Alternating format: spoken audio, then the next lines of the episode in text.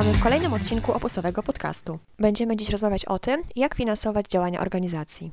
Są z nami Wioletta Gawrońska, Centrum Opus oraz Anna Pakowska, koordynatorka Łódzkiego Centrum Obywatelskiego. Dzień dobry. Dzień dobry. Zapowiadając temat dzisiejszej rozmowy, pomyślałam, że jest on nieco mylący, dlatego że mm, powiedziałam o organizacjach. To, o czym będziemy rozmawiać, nie dotyczy tylko organizacji e, zarejestrowanych podmiotów, takich jak fundacje i stowarzyszenia. Czy możecie najpierw powiedzieć, e, o kim poza zarejestrowanymi podmiotami dzisiaj mówimy?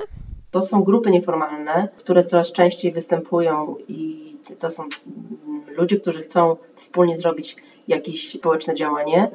I one często mają już taką możliwość wnioskowania o różnego rodzaju środki. Czasem potrzebują jakiejś organizacji, która jest dla nich patronem, która w ich imieniu występuje o te środki. Czasem też niektórzy grantodawcy nie potrzebują tego patrona i, e, i przyjmują stricte grupy nieformalne. Z takimi grupami mamy do czynienia na przykład w inicjatywie lokalnej, która jest inicjatywą mieszkańców, która wspólnie z samorządem właśnie robi jakieś działanie społeczne. E, tutaj też e, warto wspomnieć o tym, że Centrum Opus wraz z Fundacją Centrum Inwestycji Społeczno-Ekonomicznych powołało inkubator przedsiębiorczości, który ma również pełnić rolę występowania jako patron dla grup nieformalnych, które chciałyby się ubiegać o różne środki e, do grantodawców, którzy pieniądze na różne inicjatywy posiadają. Porozmawiajmy przez chwilę o samych źródłach finansowania. Co najczęściej mamy na myśli, e, kiedy mówimy o takich źródłach? Jeżeli chodzi o najczęstsze źródła finansowania, to z badań Stowarzyszenia Kloniabo wynika, że są to e, przede wszystkim źródła samorządowe, składki członkowskie i e, darczyńcy indywidualni.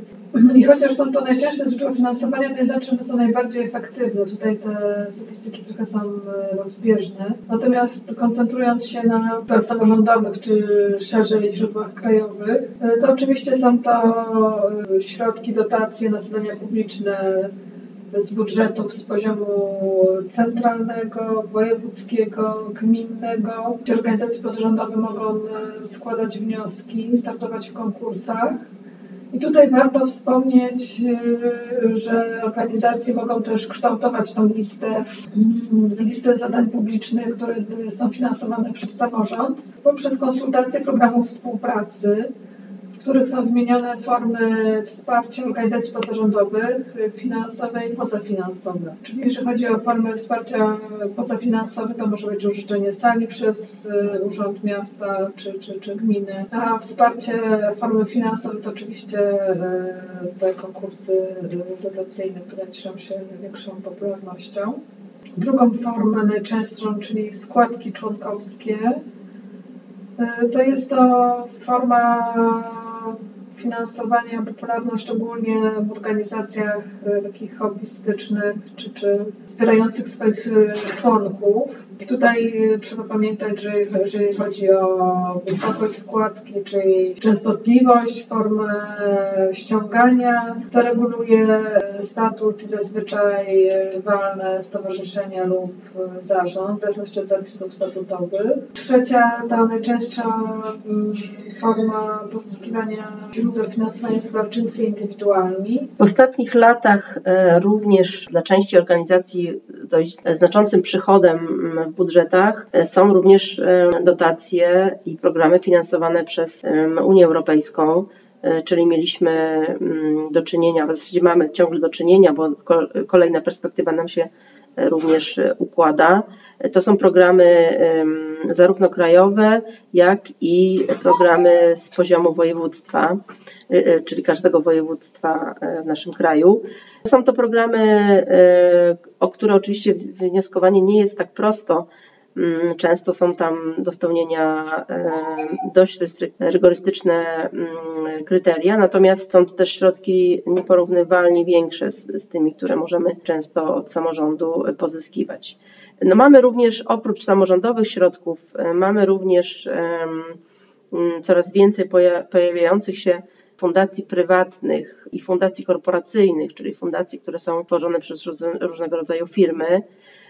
I mamy w ostatnich latach cały wysyp takich, takich fundacji. Mm, tutaj warto wspomnieć o, o Fundacji Stefana Batorego czy Polsko-Amerykańskiej Fundacji Wolności, czy tych korporacyjnych, czyli w zasadzie praktycznie już każdy bank ma swoją fundację, mm, czy większe, czy mniejsze firmy, jak Nivea, Tesco, czy, czy, czy, czy one również powołują swoje fundacje, które wspierają różnego rodzaju cele społeczne.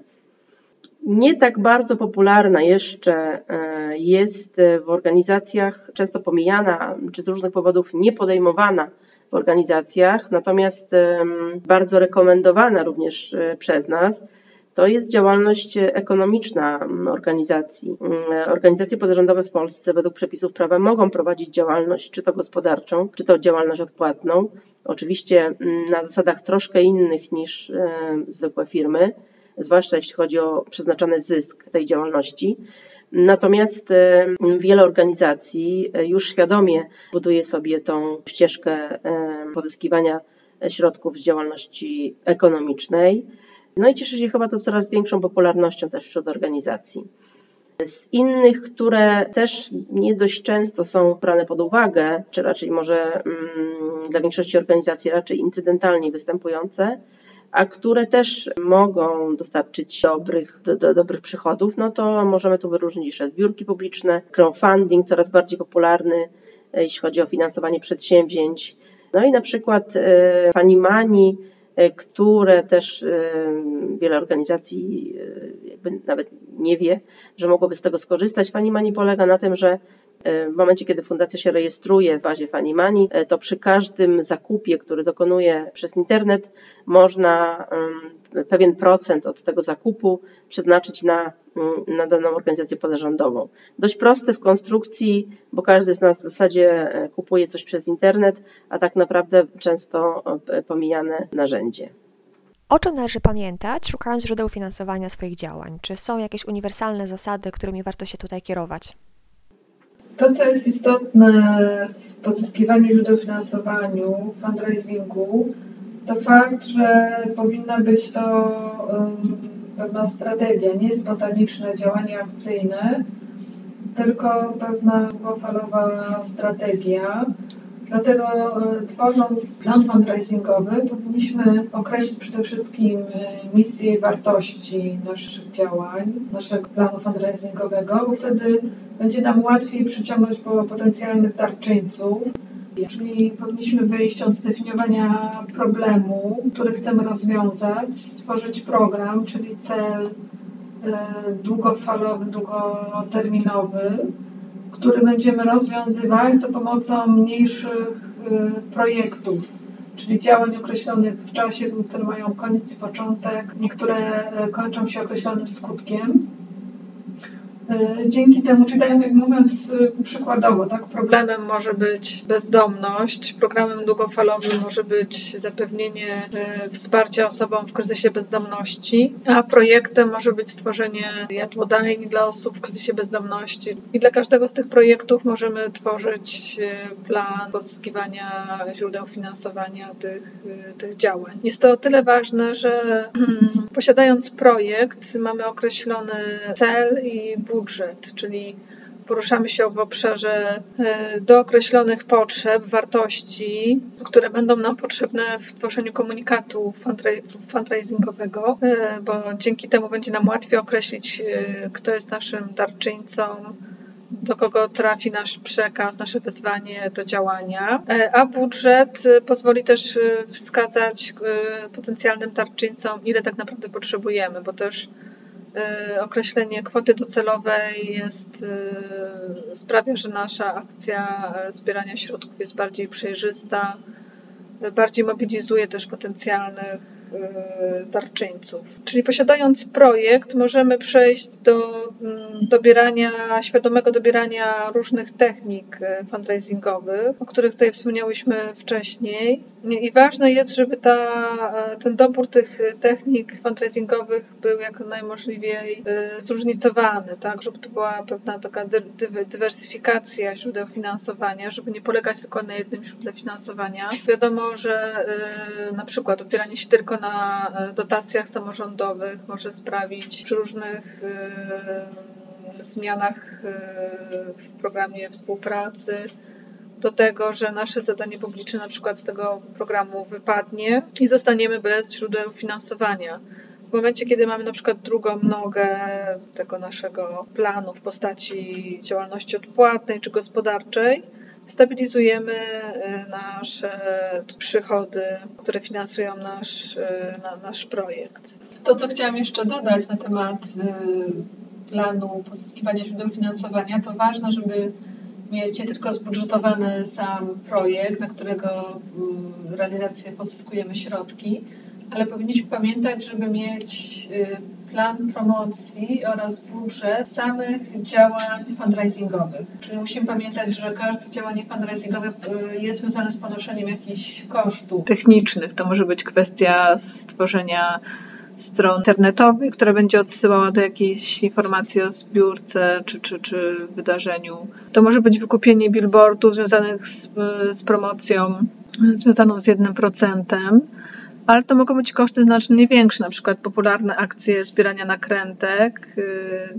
gdzie odbiór nakrętek to jest y, minimum 10 ton, wiąże się z przestrzenią magazynową i z transportem tych nakrętek, tak? Czy to jest już kolejny koszt y, związany z organizacją, wykorzystaniem tej techniki fundraisingu czy choćby nawet banalne pisanie wniosków o dotacje, to też jest czyjś czas albo wolontariusza, albo pracownika.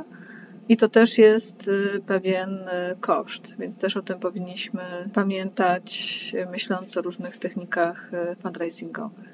Jak już mamy jakiś pomysł, mamy plan, to gdzie szukać informacji o ofertach, naborach, konkursach?